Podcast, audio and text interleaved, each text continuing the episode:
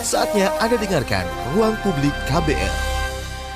Selamat pagi saudara, kita berjumpa dalam ruang publik KBR bersama saya Eka Juli. Tema pagi hari ini, Jalan Berliku Melindungi Desa dari Pertambangan. Saudara Ahmad Yani Sugiantoro dan juga Heru Prasetyo sudah hampir dua minggu ini berada di Jakarta. Mereka ingin bertemu Presiden Joko Widodo untuk melaporkan soal aktivitas pertambangan yang merusak lingkungan di kawasan Sungai Boro, Mojokerto, Jawa Timur. Selain itu, mereka juga khawatir dengan keselamatan diri mereka. Nah, di ruang publik KBR pagi ini kami akan mendengarkan seperti apa perjalanan para petani Mojokerto ini sampai di Jakarta dan seperti apa penanganan kasus konflik antara petani dan pertambangan di Indonesia dan kami akan berbincang dengan Ahmad Yani dan juga Ahmad Saini dari Divisi Simpul Perlawanan Jaringan Advokasi Tambang atau Jatam. Sebelumnya kami akan hadirkan seperti apa sih jalan berliku untuk melindungi desa dari pertambangan dari liputan khas KBR berikut ini.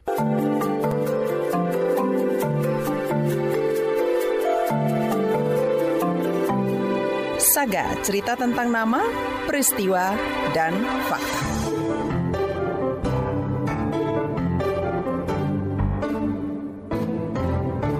Ahmad Yani tak ingin bernasib sama seperti Salim Kancil yang terbunuh usai memprotes tambang pasir di Lumajang, Jawa Timur 2015 silam. Ketakutan itu yang membuatnya memberanikan diri menemui Presiden Jokowi dengan berjalan kaki dari Mojokerto hingga sampai di Istana Merdeka, Jakarta. Berikut kisahnya. Kemerdekaan di Indonesia ini, kalau seperti ini adanya, kami merasa dijajah di Jawa Timur. Ahmad Yani, Sugiantoro dan Heru Prasetyo menempuh jarak 750 km dari Mojokerto menuju Jakarta dengan berjalan kaki. Mereka memutuskan meninggalkan keluarga karena merasa takut akan ancaman usai memprotes keberadaan perusahaan tambang di sekitar desa Lebak Jabung, Kecamatan Jatirejo, Mojokerto, Jawa Timur. Rumah Yani didatangi sekelompok orang tak dikenal pada dini hari. Dua orang merangsek masuk, sementara puluhan lainnya berjaga di luar rumah. Bapak dua anak itu diminta diam dan tak mempermasalahkan keberadaan perusahaan tambang. Ngomong, kamu jangan macem-macem sama pengusaha tambang. Pengusaha tambang rata-rata punya pistol. Terus ada lagi yang ngomong katanya kalau kamu macem-macem pengusaha tambang bisa diculik. Namun, Yani menolak diam. Pria 45 tahun itu juga menolak tawaran uang kompensasi sebesar 2 juta rupiah. Tindakan itu menyulut balasan berlebih dari orang-orang yang diduga suruhan perusahaan tambang. Ya, karena tetangga saya sendiri yang yang tahu ada sosok preman yang membawa pedang sehingga tetangga saya WA ke saya, "Saman sekarang tolong pergi dari rumah karena si A ini bawa senjata tajam nyari-nyari sampean." Desa yang dulunya menjadi kota Raja Mojopahit sekarang diporak-porandakan dengan usaha-usaha tambang. Teror itulah yang membuatnya tiba di seberang Istana Merdeka untuk bertemu Presiden Jokowi. Eh, Pak Jokowi, saya mohon dengan sangat tambang yang ada di desa kami dicabut izinnya, entah apa pun itu caranya. Keberadaan perusahaan tambang di Kampung Yani menyebabkan lingkungan rusak. Penambangan batu andesit yang terus beroperasi membuat sungai-sungai di desanya tercemar. Selain itu, juga menimbulkan lubang-lubang raksasa. Salah itu sudah empat kali kejadian kecelakaan yang tenggelam di bekas tambang, keambruan tebing, tidak ada tindakan-tindakan dari pihak e, mana pun sih, ya cuman mati ya dikubur gitu aja seperti hewan. Yani bersama dua kawannya memilih bertahan di Jakarta sebelum Presiden bersedia menemui mereka. Saat ditemui KBR, kondisi Yani tampak letih dan kurang tidur. Uang sumbangan dari tetangga sebesar 600 ribu di sakunya semakin menipis. Sekarang tinggal 40 ribu tinggal ber, bertiga ini. Itu berapa hari itu Pak? Ya sampai ketemu Pak Jokowi. Lebih baik mati kelaparan di sini lah daripada saya pulang tanpa perlindungan. Tolong kami Pak Jokowi. Di rumah setelah kami melaporkan ke gubernur Jaringan Advokasi Tambang Jatam menyebut apa yang dialami Yani dan petani lain di Mojokerto merupakan bukti pemerintah lalai melindungi warga negaranya. Koordinator Jatam Merah Johan Syah mengatakan, jumlah izin perusahaan tambang di Jawa Timur meningkat sejak 2012. 500 persen ya kalau kita lihat sebelum otonomi daerah sampai sekarang. Jumlah izinnya meningkat drastik terutama tadi itu tambang-tambang pasir, batu, kerikil, pasir besi di pesisir selatan, sama penambangan kars untuk. Sayangnya meningkatnya jumlah izin tambang juga seiring dengan masih adanya kriminalisasi terhadap penolaknya. Merah tak ingin kejadian yang menimpa Salim Kancil dialami pula oleh Yani dan petani lainnya. Ini udah mulai kelihatan. Saya kira ini 100 hari Jokowi ini terbantahkan dengan tidak ada yang berhasil. Buktinya ada warga sampai mengadu ke Jakarta, artinya birokrasi nggak bekerja di, di daerah. Tak sampai di sana, Jata mendesak Presiden Jokowi membatalkan Omnibus Law Cipta Lapangan Kerja yang berpotensi memberikan keleluasaan berlebih kepada pemilik modal tambang. Ia meminta pemerintah melakukan moratorium terhadap izin perusahaan tambang di Indonesia. Omnibus Law belum disahkan, tapi dampaknya udah dirasakan, ya kan? Pelanggaran HAM masa lalu nggak selesai, pelanggaran HAM saat ini dan seterusnya mulai terjadi. Demikian saga yang disusun jurnalis KBR Wahyu Setiawan. Saya Friska Kalia. Terima kasih sudah mendengarkan.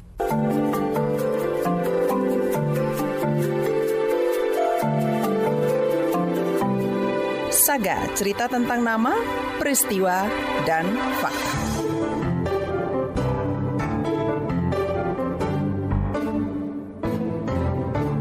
Ya, saudara itu tadi liputan khas KBR Saga soal petani Mojokerto yang berjalan kaki ke Jakarta demi untuk menemui Presiden Joko Widodo. Mereka ingin melaporkan soal aktivitas pertambangan yang merusak lingkungan di kawasan Sungai Boro, Mojokerto. Selain itu, para petani ini juga khawatir dengan keselamatan diri mereka. Di studio sudah ada Divisi Simpul Perlawanan Jaringan Advokasi Tambang, Ahmad Saini. Selamat pagi Mas Saini. Selamat pagi. Ya, sembari kita menunggu petani Mojokerto, Ahmad Yani, Sugiantoro dan juga Heru Prasetyo yang akan bergabung bersama kita di ruang publik KBR. Nah, setelah mendengarkan cerita petani Mojokerto ini tadi Mas yang berjalan kaki gitu ya. dari Mojokerto ke Jakarta demi menyampaikan aspirasinya ke Presiden Joko Widodo apa tanggapan Mas ini? Ini aspirasi masyarakat terkait penyelamatan ruang hidup, penyelamatan Sungai Boro penyelamatan lingkungan hidup dan hutan juga sebenarnya. Jadi masyarakat yang kebetulan datang sampai ke Jakarta diwakilin oleh tiga petani dan pengelola sungai ini sebenarnya sudah berbagai upaya dilakukan di level desa hingga ke provinsi dan sampai hari ini perjuangan itu masih terus diperjuangkan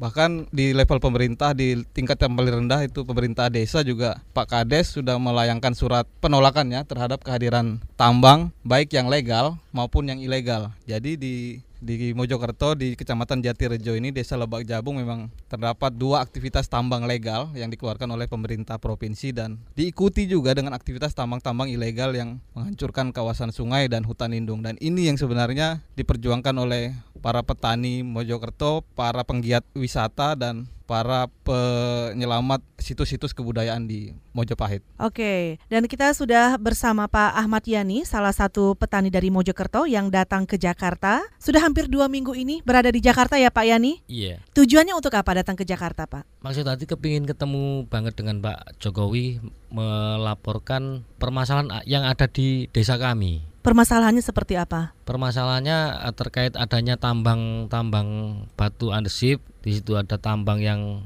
legal ataupun ilegal ya. Karena kami sebagai masyarakat desa ini ingin e, menjadi masyarakat yang mandiri. Tentunya ingin bertani, ingin membangkitkan ekowisata juga mempertahankan kultur budaya Mojopahit di Kota Mojokerto itu sendiri. Di sana apa yang terjadi, Pak? Di sana yang terjadi ada adanya penambangan-penambangan batu, tentunya di situ menjadikan lubang-lubang besar dan bekas-bekas tambang yang sudah ditambang dari tahun ke tahun itu menjadi kubangan-kubangan air yang sangat besar sehingga kami tidak bisa melakukan aktivitas pertanian. Kalau Pak Yani sendiri aktivitasnya atau mata pencahariannya apa Pak? E, aktivitas kami di desa adalah buruh tani, tentunya dari dulu memang buruh tani dan saat mulai tahun 2018 ini kami memang e, lagi gencar-gencarnya memprogramkan desa wisata yang tentunya di situ ada empat item pariwisata di, di, di, di dalam desa itu sendiri. Lalu tiba-tiba mulai tahun 2018 juga di situ ada aktivitas penambangan yang tentunya kami tidak bisa menerima dalam hal itu itu pun juga sudah kami musyawarahkan dengan pemerintah desa. Kami melaporkan ke gubernur. Ada tanggapan? Sampai saat ini pun tidak ada tanggapan sih. Kami juga memberikan laporan kepada Polda Jawa Timur, Bupati Mojokerto, menurut kami masih belum ada tanggapan sampai hmm. saat ini pun. Nah, untuk Presiden Jokowi, apakah sudah ketemu Pak selama dua minggu di Jakarta ini? Belum sih. Belum. Tapi uh, sudah ada uh, arah situ mampir ke istana misalnya? Kalau mampir ke istana kemarin sudah diterima oleh Bapak Hageng Nugroho selaku KSP. Kami juga berupaya melaporkan ke KLHK, ke Ombudsman, ke Komnas HAM. Sehubungan kami bertiga ini terkena intimidasi yang mau dituntut secara hukum, yang mau diculik, yang mau dibunuh itu yang menjadikan keterpaksaan kami. Berangkat ke Jakarta ini memohon kepada Bapak Presiden Jokowi untuk memberikan kepastian hukum pada kami untuk memberikan perlindungan daripada kami karena kami bertiga ke Jakarta ini mewakili semua masyarakat desa Lebak Jabung dan tentunya berita acara dari pemerintahan desa dan tanda tangan semua warga sudah kami bawa. Intimidasinya dari siapa, Pak? Intimidasi dari preman-preman suruhan orang tambang sih. Dari pengusaha tambang itu menyuruh beberapa preman waktu itu mendatangi ke rumah rumah saya lalu ke rumah tetangga-tetangga yang intinya kalau menghalang-halangi uh, aktivitas tambang bisa dituntut secara hukum. Premannya orang sana juga atau orang luar? Premannya orang di luar kecamatan sih, bukan orang Jabung. Oke. Okay. Ya ada satu satu orang Jabung sendiri, hanya satu orang. Ya, tadi 2018 ada sudah ada pertambangan di situ ya Pak, mulai ya? Pertambangan dilakukan mulai tahun 2002. Oh, 2002. Ya. Apa sejak awal sudah ada info bahwa akan ada aktivitas pertambangan di situ? Tidak ada. Selama adanya aktivitas tambang di situ nggak pernah ada info ke pada kami nggak nggak ada sosialisasi gitu sosial, gitu ya? Ada pernah tahun 2018 sosialisasi namun di dalam forum tersebut ditolak secara tegas dengan pemerintah desa dan masyarakat itu sendiri. Dan hmm. akhirnya tahu-tahu muncul eksavator kami juga kaget loh kok muncul eksavator kemarin sudah ditolak. Saya tanyalah akhirnya dia mau menunjukkan surat tapi kalau di kantor balai desa. Sehingga kumpullah di kantor balai desa. Di kantor balai desa itu juga banyak masyarakat yang tentunya bertanya-tanya kok bisa keluar izin dari dari Gubernur Jawa Timur padahal pemerintah desa dan masyarakat sudah secara tegas menolak dan itu pun juga dibuatkan berita acara dari pemerintah desa. Oke, jadi kesepakatan desa ada penolakan tambang tapi izin datang dari pemerintah itu lebih tinggi ya, Pak ya? Iya.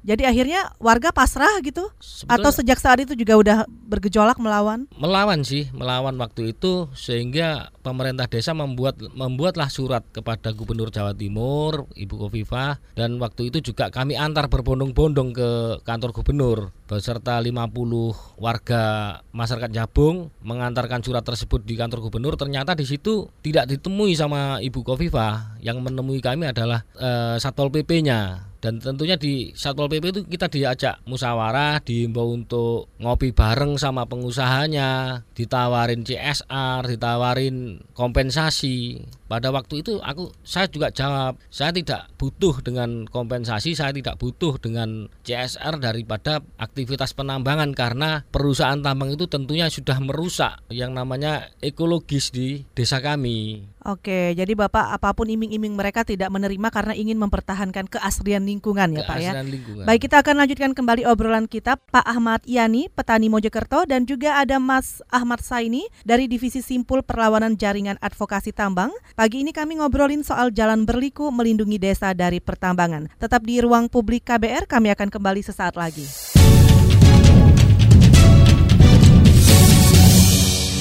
Ya, saudara, kita kembali lagi di ruang publik KBR. Tema pagi hari ini, Jalan Berliku Melindungi Desa dari Pertambangan. Masih bersama narasumber kami, petani Mojokerto, ada Pak Ahmad Yani, dan juga dari Jatam, Divisi Simpul Perlawanan Jaringan Advokasi Tambang, ada Mas Ahmad Saini. Kita masih ngobrolin soal perjuangan para petani Mojokerto yang ingin menyelamatkan lingkungannya dari pertambangan. Tadi Pak Yani sudah mengisahkan ada intimidasi dari preman ya Pak ya, kemudian perusahaan menawari CSR, lantas ditolak, Nah, terus juga ada desa wisata juga yang sekarang sedang digalakkan oleh petani Iya. atau warga desa. Desa wisata yang seperti apa, Pak? Eh, tentunya di situ eh, sehubungan sungai yang kami buat ikon utamanya adalah permainan river tubing semacam arum jeram ya. Iya, jadi eh, yang saya sangat sayangkan oleh pihak perusahaan ini kan benar-benar nambang di bantaran sungai ataupun di tengah-tengah sungai. Ini yang menjadikan berkeberatan kami karena masyarakat Desa Lebak Nyabung ini sudah memprogram sejak awal tahun 2018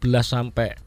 akhir hari ini memulai adanya permainan river tubing ini juga tidak hanya serta merta untuk mencari nafkah saja ya. Ini termasuk konsep kami untuk memulihkan hutan lindung yang pernah sudah dilakukan penjarahan baik kayu ataupun bebatuannya. Sehingga kami berpikir kalau hutan lindung ini semakin habis nanti perlindungan pada ekologis pada desa-desa ataupun pada permukiman yang lain bagaimana. Sehingga Mhm. kami berpikir harus kita tanam pohon di hutan lindung, harus kita jaga bebatuan yang ada di situ sebagai ekosistem. Jadi sudah dua tahun ini kami lakukan memang itu. Jadi wajib hukumnya para wisatawan kami yang bermain river tubing ke sungai itu, yang pertama kewajiban utamanya adalah menanam pohon. Terkait masalah biaya keuangan itu akan kembali ke konsumen itu sendiri berupa akomodasi lokal, berupa konsumsi tamu itu sendiri itu memang kami bebankan pada para pengunjung. Mhm. Tapi utama utama yang paling utama adalah menanam pohon di hutan lindung itu sendiri sebagai pemulihan apa yang telah terjadi di situ ada pe- perambahan hutan, ada pencurian batu andesitnya itu. Nah, sekarang sudah sejak se- ada aktivitas pertambangan itu sungainya masih digunakan atau sudah tidak bisa lagi Jadi- untuk wisata itu? Semenjak kedatangan eksavator daripada CV Sumber Jeki itu kami sudah tidak bisa berjalan sama sekali karena satu jalur ya satu satu arah. Jadi Tertutup gitu ter- kayak tertutup, gitu. J- jalur saya lewat mau bermain river tubing lewat situ finish saya juga finish daripada permainan river tubing juga sudah dikeruk. Jadi di situ yang yang menjadikan kami sangat berberat arti juga adanya situs budaya kultur Mojopahit waktu itu ada eh, di sebelahnya jalan ini ada situs petilasan Mahapati Gajah Mada.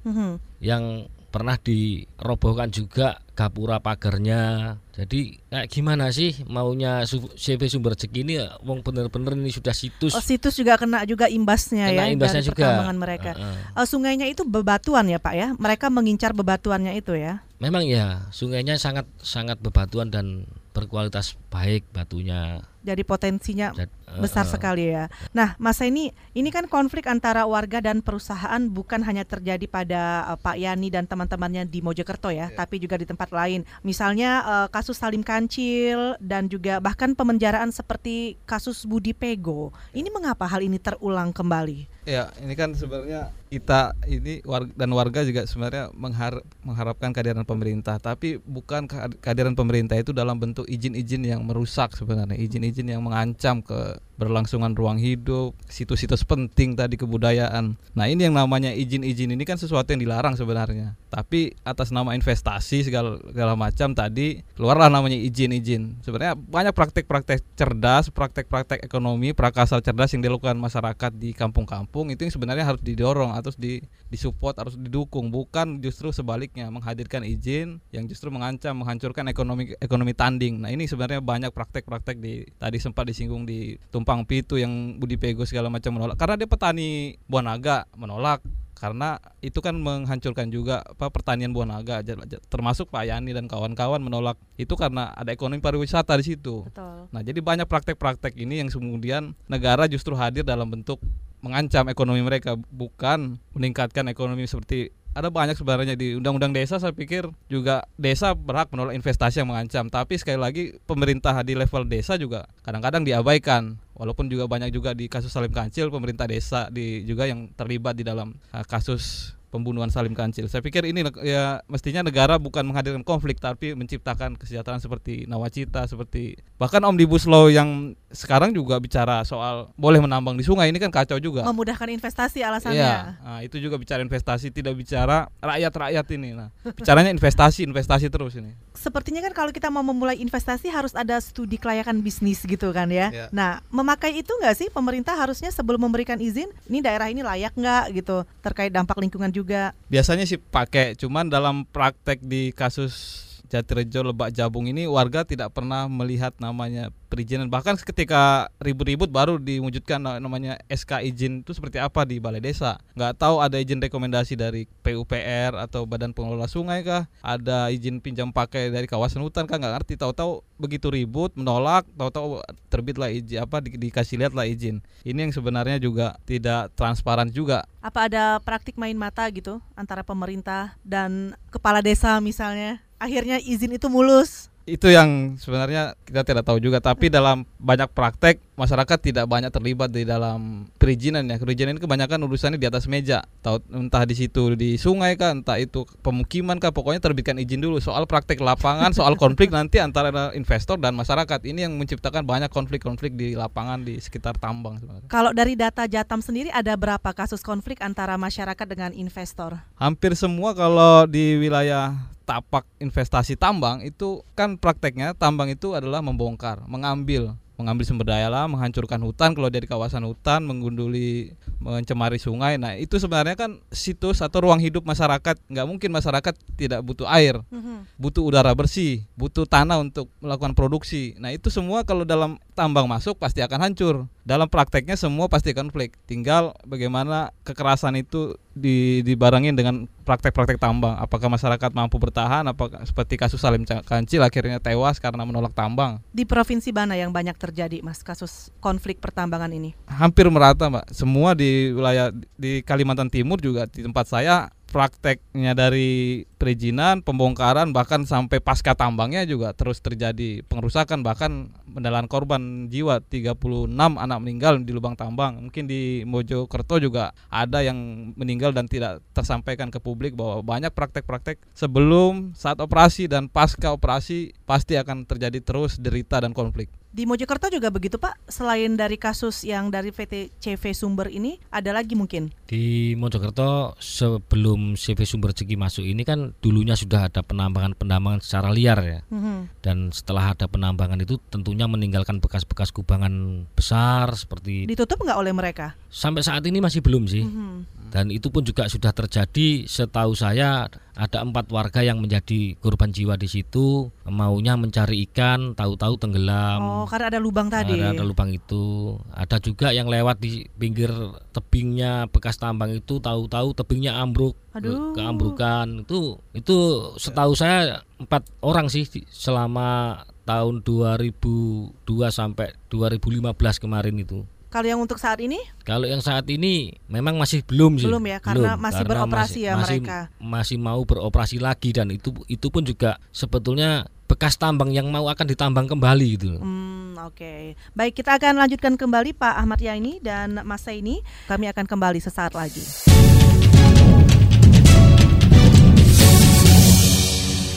Kami masih membahas soal jalan berliku melindungi desa dari pertambangan. Masih bersama petani Mojokerto, Ahmad Yani, dan juga Divisi Simpul Perlawanan Jaringan Advokasi Tambang atau Jatam, Mas Ahmad Saini. Pak Yani, sejauh ini apa yang sudah dilakukan warga untuk mendorong agar tambang berhenti beroperasi sehingga dampak kerusakan tidak makin parah? Selain mungkin tadi berdialog, demo, hingga datang ke Jakarta untuk menemui Pak Jokowi, ada lagi mungkin usaha-usaha lainnya? Untuk saat ini, saya hanya sekedar masukan dari lewat WA ya dari kampung e, warga masyarakat juga mengadakan pertemuan-pertemuan sebetulnya cuman selalu dapat setiap ngumpul itu didatangi sama preman-preman tambang itu sehingga nggak bisa konsen untuk untuk kumpul gitu. Mereka mendatangi itu dalam arti langsung menggertak gitu, langsung marah pas datang. Iya sih, e, nuduh yang kamu kamu yang foto lokasi, kamu yang mau macem-macem sama tambang gitu. Akhirnya warga jadi ya nggak konsen, jadi mau ngobrol akhirnya ya, terpecah ya. Namanya warga ya, ada yang memiliki keberanian tinggi, ada yang iya, betul. lemah. Jadi kebanyakan sih lemah di sana karena rata-rata petani. Jadi kalau dibilang kamu saya tuntut dengan hukum pasal sekian, udah takut. Baik, kita akan menerima penelpon dulu dari Pak Parlindungan Harahap di Bogor. Selamat pagi Pak Parlindungan. Selamat pagi kembali. Iya, silahkan. Nah, sebenarnya semua sama kejadian ini. Di kampung halaman saya juga di Tapanuli Selatan, tanah adat saya dibuat tambang Mas Martabe. Tanah adat saya dan tanah wilayah saya dibuat PLTA. kami merasa terteror oleh oknum-oknum yang katanya itu untuk orang banyak padahal indah. Maksudnya gini, per meter hanya 70 ribu dengan kelapa sawit ataupun itu karet. Padahal kami tanya Menteri Keuangan, per meter itu tertinggi 750 ribu. Ke mana Bapak Endro Priyono? Begitu juga terkait tambang emas. Kami selalu dibuat jadi penonton. Bahkan izinnya entah dari mana. Ada lagi izin galian C, tiba-tiba orang asing yang datang ke kami. Kami, apakah uh, harus kita hukum seberat-beratnya bupati yang memberikan izin ataupun perizinan satu pintu? Karena sudah ruwet. Kami diadu domba antara raja-raja adat di kampung halaman kami. Sama seperti di Lampung juga. Oleh karena itu kayaknya kelihatan ini udah penjajah, lebih lebih kejam pemerintah ini dibanding PKI zaman dulu. Itu aja saya rasa. Oke, baik. Terima kasih Pak Parlindungan Harahap yang juga berbagi kisah ya, ya. di kampungnya di Tapanuli. Gimana tanggapannya Mas Eni? Ya, tadi yang saya sampaikan bahwa pola dan prakteknya ya mirip-mirip di berbagai daerah kekerasan intimidasi bahkan melewat aparatur negara dan non negara juga seperti preman-preman ya prakteknya sama tadi di Pak Perlindungan di oleh Pak Perlindungan Harahap ya di cerita di Tapanuli termasuk pembangunan PLTA tadi praktek-praktek itu perampasan tanah juga ya polanya mirip-mirip lah kekerasan segala macam tadi disinggung tahu-tahu ada izin bagaimana nih bupati bisa nggak di bupati ini diperkarakan nah di dalam undang-undang minerba yang baru uh, di, di pasal itu dihapus bahwa penerbit izin tidak bisa lagi disanksi hmm, alasannya ya nggak tahu di dalam undang-undang itu di ditentukan di, begitu aja gitu di ya? undang-undang ya? minerba yang baru yang akan dimasuk yang prolegnas omnibus law ini? Iya, bukan undang-undang oh. Minerba. Oh, oke okay, oke. Okay. Ya, kan lagi di revisi juga, ya, ya. Dan itu pasal itu dihapus oleh pemerintah. Mm-hmm. Jadi nggak bisa lagi Pak Perlindungan Harap tadi mau menyebut misalnya bisa nggak kita perkarakan juga penerbit izin. Nah kalau di undang-undang itu sudah dihapus, jadi memang sepaket juga dengan omnibus law. Sanksi juga nggak bisa juga ya. Jadi jatuhnya larinya ke mana masyarakat ingin mengadu, Mas? Ya ini nggak tahu ini eh, apakah dengan cara-cara ritual juga mungkin bisa nggak tahu juga nih.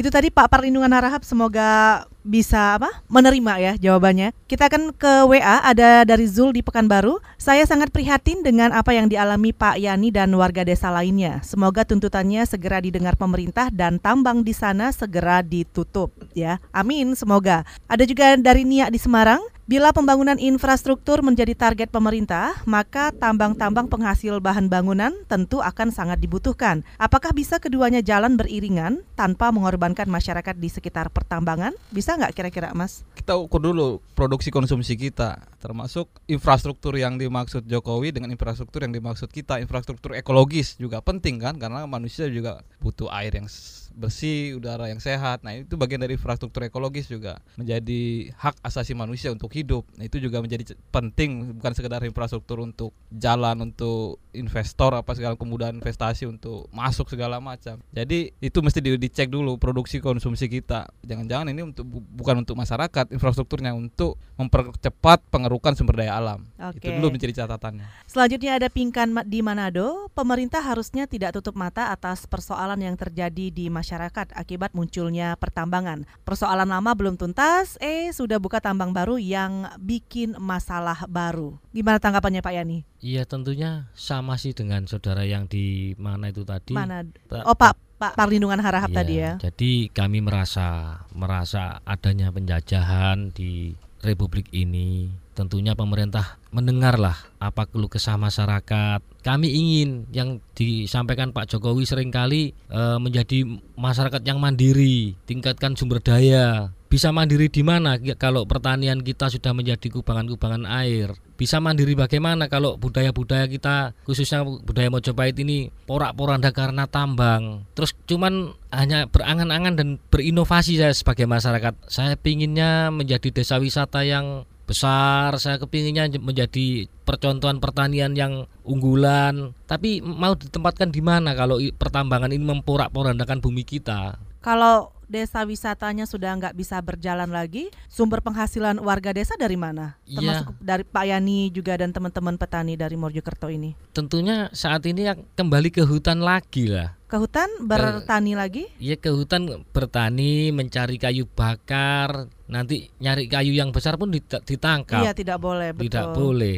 Nyari kayu bakar dijual ke pasar se seadanya. Jadi memang kehidupan di desa itu apalagi kultur budaya Jawa itu mengajarkan untuk e, sesederhana mungkin lah kita menjalankan kehidupan tidak terlalu harus memakai jalan infrastruktur yang yang wow nggak harus pakai gedung yang menjulang tinggi kita sudah hidup di pinggiran hutan sudah menikmati menikmati. Jadi pada intinya kita saat ini juga bingung mencari mata pencarian ke mana. Mau ke kota juga bingung. Biasa hidup di desa, di desa mencari pekerjaan buruh tani pun juga sudah sulit. Ini yang yang kami alami saat ini. Sudah ada ladang penghasilan tapi dirusak orang gitu yeah. ya Pak ya. Nah juga ada WA dari Cia di Lampung. Saya mau bertanya, bukannya ketika tambang dibuka itu membuka lapangan kerja? Itu kan sesuatu yang positif. Apakah masyarakat sekitar tidak direkrut? Kalau terkait rekrutmen tenaga kerja tambang, sekarang tambang itu pakai eksavator. Apa yang dikerjakan oleh masyarakat di situ? Paling-paling membetulin jalan doang, hanya butuh paling besar butuh butuh lima atau enam enam orang lah untuk pekerjaan tambang itu sendiri tidak lebih nggak terlalu banyak ya pak tidak ya? terlalu banyak karena dia lebih kayak uh, apa buruh bangunan gitu yang terbatas juga jumlah tukang-tukangnya iya nah oke okay. kemudian ada Anwar di Kalimantan apakah pembangunan bisa dilakukan tanpa dampak lingkungan sama sekali ke Mas Seni ya dalam prakteknya itu pembangunan ataupun praktek pertambangan itu pasti membongkar hmm. menggali dan mengambil kan uh, secepat-cepatnya semurah-murahnya dan itu semua materialnya ada di dalam tanah. Tanah itu kan punya lapisan-lapisan di beberapa tempat topsoil atau tanah suburnya cuma 5 meter ketika dibongkar sudah beda lagi entah tanah liat tanah lempung yang ketika ditanam pun nggak akan mampu lagi. Nah jadi pasti akan menghancurkan tanah, memotong badan-badan apa air air permukaan air tanah mencemarin sungai. Jadi praktek itu baru sisi lingkungan ya belum tadi soal ekonomi ekonomi yang hilang tadi. Begitu banyak petani pariwisata segala macam itu kehilangan ekonominya. Dan ini tentu saja berdampak sosial. Entah ke kriminal entah penjaraan hutan segala macam. Itu yang mesti dihitung juga dari cerita soal pertambangan dan dampak apa cerita pembangunan. Dan tambang ini juga kan tadi disinggung di Lampung tadi pertanyaan bagaimana tambang ini kan skillnya tinggi. Nggak mungkin buruh tani atau petani yang tiba-tiba sehari-hari pegang cangkul bicara langsung pakai apa ekskavator segala macam. Ini kan skill tinggi praktek industri pertambangan ini. Jadi dan maskulin juga. Kelompok perempuan pasti tidak terlibat di dalam sektor apa aktivitas pertambangan perempuan juga banyak terlibat di dalam mengelola tanah kan sebenarnya dan ini sebenarnya yang nggak nggak difasilitasi ya dalam bicara soal tenaga kerja. Oke, berarti tidak selaras ya antara pertambangan dengan pembangunan dan juga walaupun alasannya di belakangnya bisa juga merekrut warga sekitar. Pasti dia orang dari luar dan itu juga berbasis komunitas. Jadi tidak ada pertambangan yang baik? Ya menurut Jatam dalam praktek di lapangan selama ini tidak pernah ada tambang pasti dia akan habis dan jadi pengangguran lagi. Oke. Okay. Tanahnya rusak, pekerjaan sudah selesai. Baik, kita akan lanjutkan kembali obrolan kita masih di ruang publik KBR dengan tema Jalan Berliku Melindungi Desa dari Pertambangan. Kami akan kembali sesaat lagi.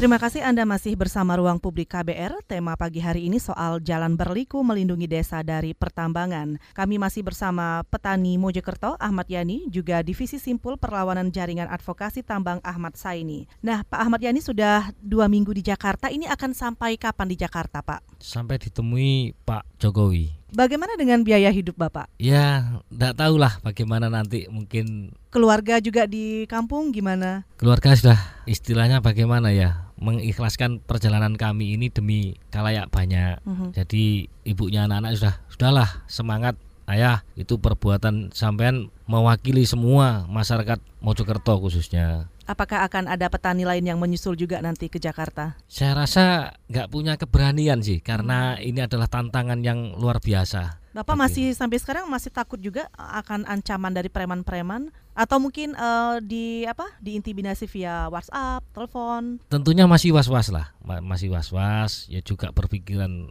yang di rumah bagaimana. Tapi kalau saya bandingkan lagi demi kehidupan yang berkelanjutan, demi anak cucu, ya kalau memang saya ditakdirkan sahid aku pun juga sudah siap. Lalu rencananya di Jakarta ini selama menunggu ketemu Presiden Joko Widodo ini apa saja yang akan dilakukan Pak kegiatannya? Dari awal saya didampingi teman-teman Jatam sudah kami lakukan ke KLHK, ke berbagai instansi, tentunya sudah tidak ada random kegiatan lagi. Jadi tentunya mulai mungkin besok atau lusa saya harus duduk di depan istana. Saat ini menginap di mana? Sementara waktu kami di kedai Jatam sih. Oke, sama dengan Mas ini kantornya yeah. Jatam ya. Yeah. Semoga ada kabar baik nanti Pak Yani ya. Nah, kita ngomongin soal pertambangan ini sampai-sampai Pak Tani dan dua orang temannya ini jalan kaki loh ya ke Jakarta walaupun ada juga yang memberikan bantuan ya Pak di jalan, memberikan tumpangan karena mereka ingin mempertahankan lingkungannya. Kira-kira kalau mungkin taunya dampak dari pertambangan salah satunya banjir gitu atau hmm. tanah rusak atau apalagi ini Mas dampak dari pertambangan ini? Kita menyebutnya sebenarnya kosakatanya adalah daya rusak bukan dampak. Jadi daya rusak itu dia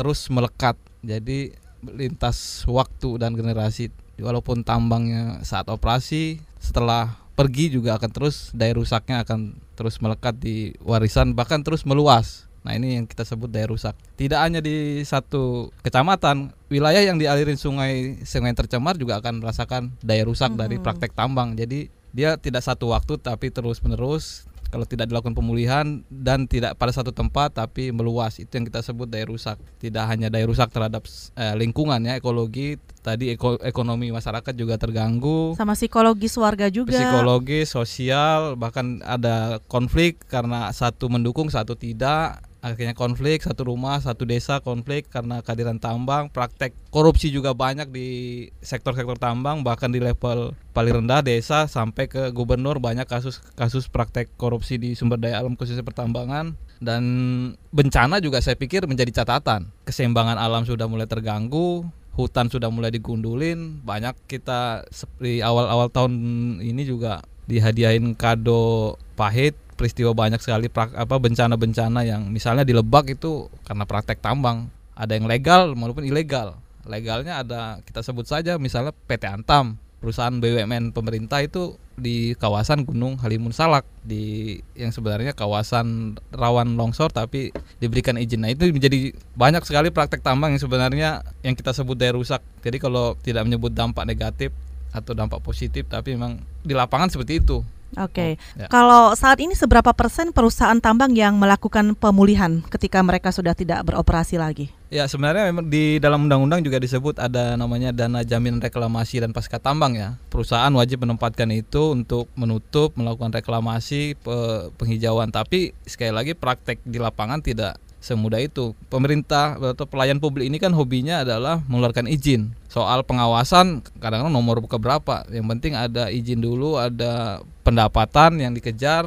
walaupun juga pendapatannya nggak gede-gede amat tapi kerusakannya yang malah membesar. Nah, ini yang dikejar sama pelayan publik bahwa hobinya tapi pengawasan nggak ada. Nah, dalam prakteknya kita mencatat misalnya di Kalimantan Timur itu ada 1333 lubang tambang yang tidak ditutup. Itu baru tambang satu jenis namanya batu bara. Nah, ini kan biayanya mahal sekali memang. Untuk Bahkan, menutupnya itu. Iya, pemerintah dengan perusahaan menghitung ternyata nggak pernah cukup dana jaminan reklamasi ini. Oh iya, katanya Jokowi juga yang pernah mengeluarkan statement uh -uh. pemerintah yang akan turun tangan nah, untuk uh, menutup lubang itu tambang. Itu kan malah kacau lagi. Iya. Malah dana-dana publik yang dipakai untuk membersihkan kotoran yang ditinggalkan oleh perusahaan pertambangan. Iya. Ini kan lagi kacau lagi. Sudah dananya dihitung-hitung nggak cukup, mau ngambil tanah di mana untuk menimbun ini kan nggak ada juga materialnya kan dihitung semua berapa ongkos untuk. Ternyata nggak pernah cukup. Ini yang sebenarnya jadi persoalan. Makanya banyak perusahaan meninggalkan itu karena nggak cukup. Dan pihak ketiga yang ditunjuk pemerintah misalnya untuk mengelola dana jamrek untuk menutup pihak ketiga juga nggak mau karena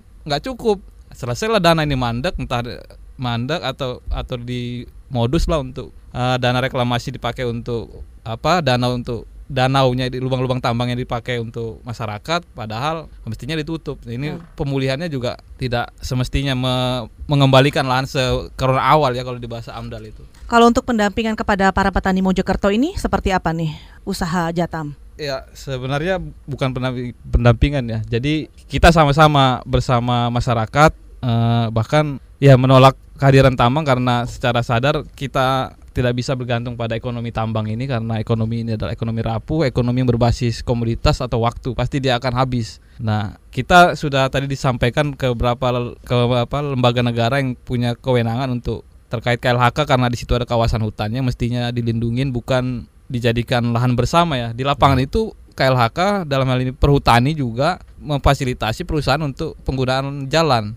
kerjasama mereka. Nah, mendatangi Komnas HAM penting karena tadi cerita cerita kekerasan, intimidasi di di bapak-bapak bertiga ini termasuk ke keluarga. Jadi ini kan nggak boleh praktek-praktek kekerasan ini mestinya negara pemerintah melindungi masyarakat yang berjuang atas lingkungan kan diatur juga mm -hmm. di dalam undang-undang lingkungan hidup mereka yang perjuangkan apa lingkungan hidup tidak bisa digugat secara hukum. Maksudnya Pak Yani dan kawan-kawan juga teman-teman di Mojokerto mesti tahu bahwa ada perlindungan hukum di Undang-Undang Lingkungan Hidup. Komnas HAM sampai saat ini sekarang sedang berada di Mojokerto ya, ya terakhir untuk masalah ini. Informasi Komnas HAM sudah turun di lokasi Desa Lebak Jabung yeah. bahkan ke lokasi tambang ya bersama yeah. masyarakat. DPRD Kabupaten Mojokerto juga sudah melakukan rapat di Balai Desa. Terakhir Polres kepolisian juga sudah menetapkan bukan belum menetapkan sudah me, menangkap uh, 6 unit dump truck dan ekskavator tapi kita menduga ini bukan soal ilegal tapi memang ada praktek-praktek tambang resmi juga ilegal oh, yang sebenarnya okay. yang ditolak warga. Jadi bukan bicara soal ilegal dan non ilegal, tapi ada upaya penolakan dari masyarakat termasuk desa untuk melindungi ruang hidupnya. Baik, Pak Yani, mungkin ada yang ingin disampaikan sebelum kita menutup kebersamaan ini? Tentunya apa yang menjadi kekhawatiran kami sebelum berangkat ke Jakarta, tentunya eh, Kabupaten Mojokerto juga sudah merasakan saat kami di Jakarta adanya apa di Mojokerto adanya banjir bandang itu adalah dari hasil perusakan daripada hulu sungai yang ada di atas e, Kabupaten Mojokerto itu sendiri. Jadi Kecamatan Jaterjo adalah hulu sungai yang letaknya ada di kaki Gunung Arjuno. Ini adalah nyawa daripada Kabupaten Mojokerto itu sendiri. Dan tentunya tahun 2004 sudah dirasakan rumah tenggelam 2 meter dan rumah kemasukan lumpur setinggi 70 cm dan kemarin di tahun 2020 ini pada bulan Februari ini juga terjadi banjir bandang dan longsor di situ juga. Oke, semoga uh, tidak terulang lagi. Semoga obrolan kita hari ini juga didengarkan oleh pemerintah. Semoga ya. juga apa keinginan Pak Yani dan teman-teman bertemu Presiden Jokowi segera terkabul. Saudara demikian ruang publik KBR hari ini tentang jalan berliku melindungi desa dari pertambangan bersama petani Mojokerto Ahmad Yani, juga Divisi Simpul Perlawanan Jaringan Advokasi Tambang Ahmad Saini. Saya Eka Juli, pamit. Baru saja Anda dengarkan Ruang Publik KBR.